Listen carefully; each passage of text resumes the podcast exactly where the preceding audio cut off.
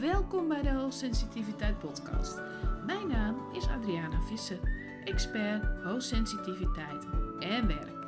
Als hoogsensitieve professional wil jij nu je werkstress omzetten naar werkgeluk. Je wilt nu echt helemaal tot jouw recht komen op de werkvloer. In deze podcast neem ik je mee in hoe je nu echt voor jezelf kunt kiezen. Werkstress omzet naar werkgeluk, maar ook hoe jij next level zou kunnen gaan door echt authentiek te werken. Ik wens je veel luisterplezier.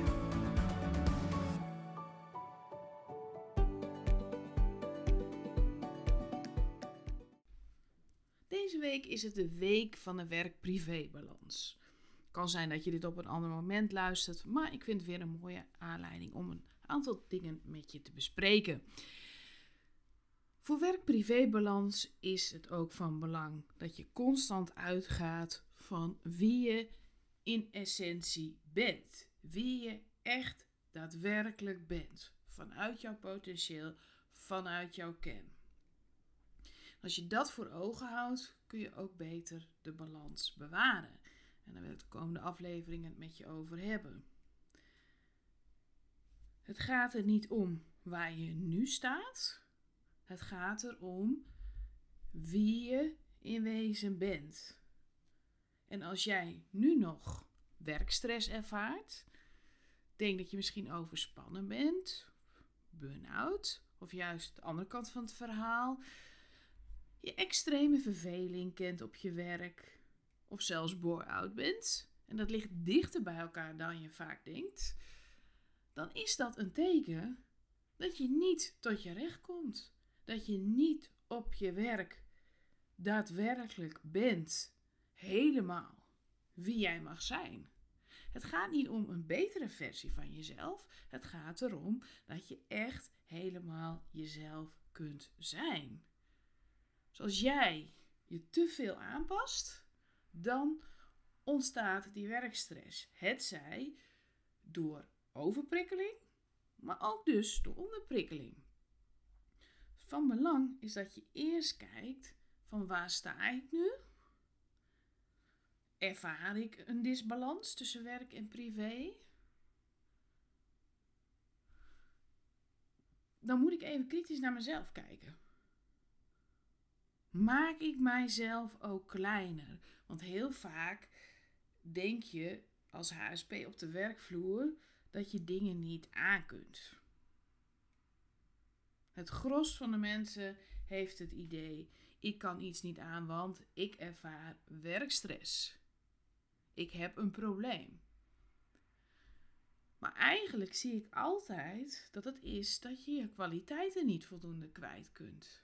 En daardoor ervaar je die werkstress. En of zich dat nou uit in overspannenheid, in het totaal geen motivatie meer hebben voor je werk, omdat echt geen bal meer eraan vindt. Het heeft altijd te maken met dat je niet echt jezelf bent en niet je volle potentieel in kunt zetten. Soms heb je dat niet eens door. Want heel vaak heb je het gevoel, voor als je thuis komt te zitten, dat er iets aan jou mankeert. En dat wordt ook best wel vaak gezegd eigenlijk. Dat valt me wel op. Eh, er wordt vaak gewezen op gebreken die jij zou hebben of dingen waar je nog aan moet werken. En begrijp me niet verkeerd. Tuurlijk, ik ben ook iemand die het altijd heeft over jezelf ontwikkelen. Maar ik vind jezelf ontwikkelen iets anders dan iemand aanpraten dan dat hij een probleem heeft. Dat er iets aan je mankeert. Dat je hulp nodig hebt omdat je problemen hebt waardoor die werk-privé-balans bijvoorbeeld verstoord wordt.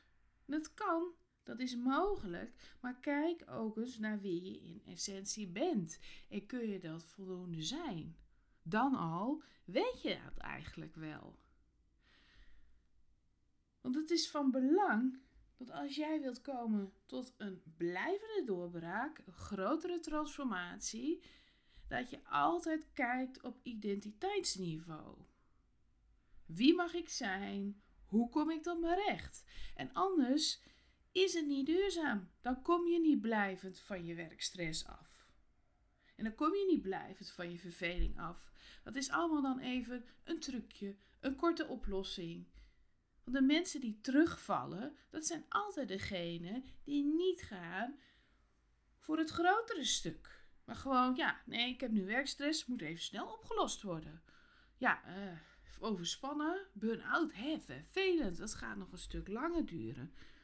En het klinkt nu net alsof ik er heel makkelijk over doe. En misschien zelfs een beetje flauw. Maar laten we wel wezen, ik heb het zelf allemaal ook meegemaakt. En ik heb er lang over nagedacht. Is dat nou alleen bij mij zo geweest? Dat als ik terugkijk, dat ik ook helemaal niet op mijn plek zat. Omdat ik veel meer kan. En daar echt geen ruimte voor was. En hadden anderen dat dan niet? Nou, in de loop van de tijd, in die meer dan 20 jaar, heb ik wel gezien bij iedereen in mijn praktijk. Of ze nou onderprikkeld waren of overprikkeld, en daaruit voortvloeien allerlei consequenties. Eigenlijk is het altijd dat je op een plek zit waar je niet voldoende jezelf kunt zijn. Dat je op een plek zit waarbij je het niet voldoende kunt aangeven. En dan is het ook, hè, tolereer jij dat? Hoe lang ga jij door? Hoe lang blijf jij werken op een plek waar je niet gezien wordt, waar je niet gehoord wordt, waar het onveilig is om jezelf te laten zien, om met ideeën aan te komen? Het lijkt haast wel of we dat normaal vinden. Maar dat is natuurlijk niet normaal. Als jij wilt floreren, moet je je veilig voelen op je werk. En daar kun je iets aan proberen te veranderen.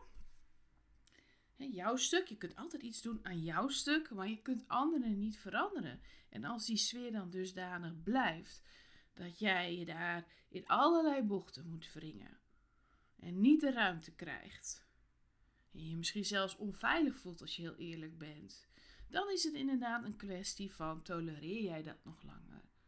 Moet je daar dan nog langer doorgaan? Want je gaat eraan kapot. Als de werkomgeving niet passend is voor jou.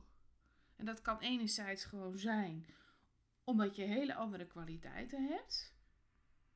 Maar anderzijds kan het ook zijn dus dat de werkomgeving zelf niet gezond is.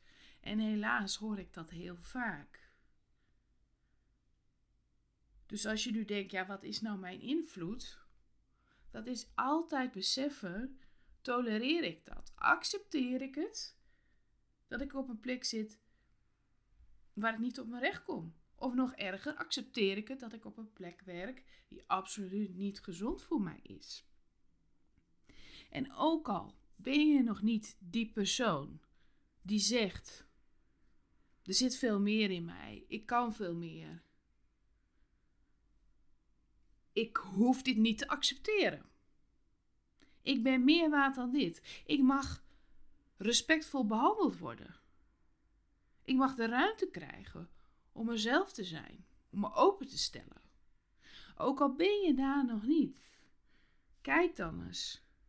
Want in de kern ben je natuurlijk iemand die diep van binnen weet: ik ben niet de persoon die dit hoeft te accepteren. En begrijp me niet verkeerd, ik roep je nu niet op om je baan op te zeggen.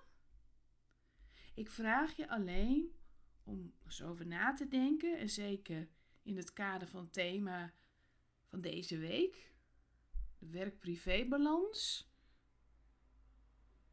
Wat doet mijn werk met me?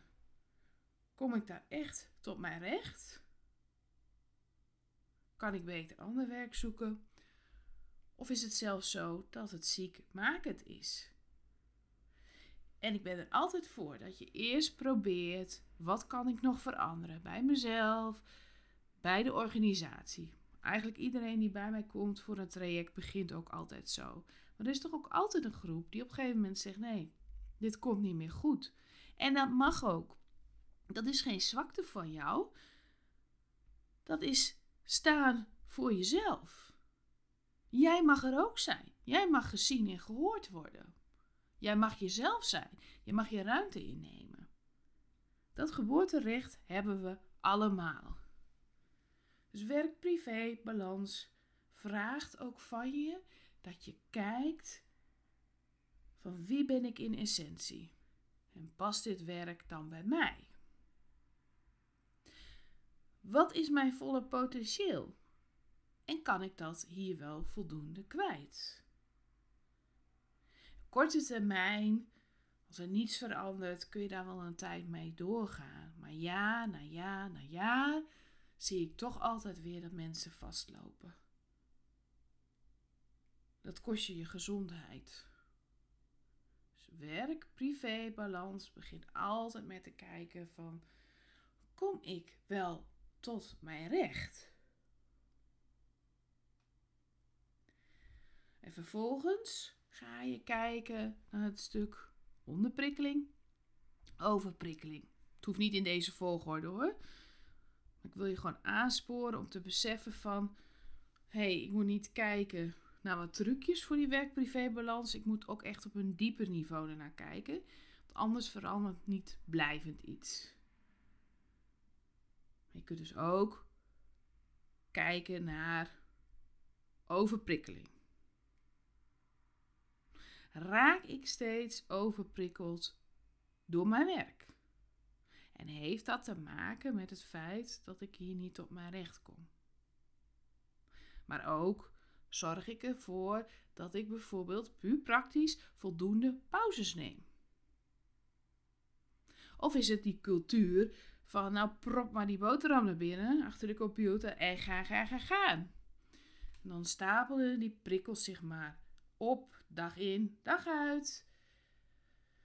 Je kunt niets verwerken wat er die dag gebeurt, want je moet maar doorgaan. En dan kom je thuis. En dan hoop ik dat je dan de tijd en ruimte neemt om alles even te verwerken, een plek te geven, dan te ontspannen en los te laten. En ook, dat is belangrijk, dat je daar een actieve houding in aanneemt. In onze maatschappij gaat ontspannen eigenlijk haast niet meer vanzelf. Je krijgt constant prikkels, prikkels, prikkels. 24 uur economie en alles draait maar door. Het is ook nadelig als je bijvoorbeeld net weer een mailtje van je werk krijgt. Terwijl je thuis bent en net denkt, nou, ik heb bewust die deur achter me dicht getrokken. Klaar. Oh nee, heb ik weer een mailtje. Maar verder is het dus ook belangrijk dat je manieren zoekt om thuis even te ontspannen. Wat is dat voor jou? Is het klaar als je een douche neemt, makkelijke kleding aantrekt? Moet je een wandeling maken? Ga je mediteren? Doe jij yoga? Ga je muziek luisteren? Nog even creatief bezig? Weet jij voor jezelf hoe je kunt ontspannen? Kijk daarna, zodat jij naar bed gaat en dan ontspannen voelt, alles een plekje hebt gegeven. En dan ga je slapen. En dan de volgende dag ben je weer uitgerust. En dan kun je weer aan de dag beginnen. Als dat niet lukt, dan krijg je opeenstapeling van prikkels van dag na dag. En dan kun je dus krijgen eigenlijk dat je chronisch overprikkeld raakt, wat uiteindelijk ook weer kan leiden tot chronische stress door die opeenstapeling die je niet kunt doorbreken. Dus voor vandaag is het van belang dat je je afvraagt: ben ik op mijn werk wie ik in essentie ben? Dus ben ik echt in wezen mezelf? Kan ik mijn volle potentieel kwijt? Maar ook Ontspan ik voldoende op mijn werk? Kan ik alles diepgaand verwerken op mijn werk? Al die dingen die ik opmerk. En als dat niet lukt, zorg dan dat je thuis ontspant. Allemaal van belang voor die werk- en privébalans.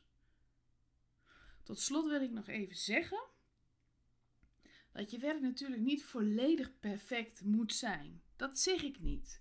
Maar als je merkt dat de balans volledig weg is, of dat die steeds slechter wordt en dat jou je gezondheid kost en jouw energie, dat je wat op de bank loopt te hangen als je thuis komt en je verder nergens meer zin in, kijk daar dan even kritisch naar.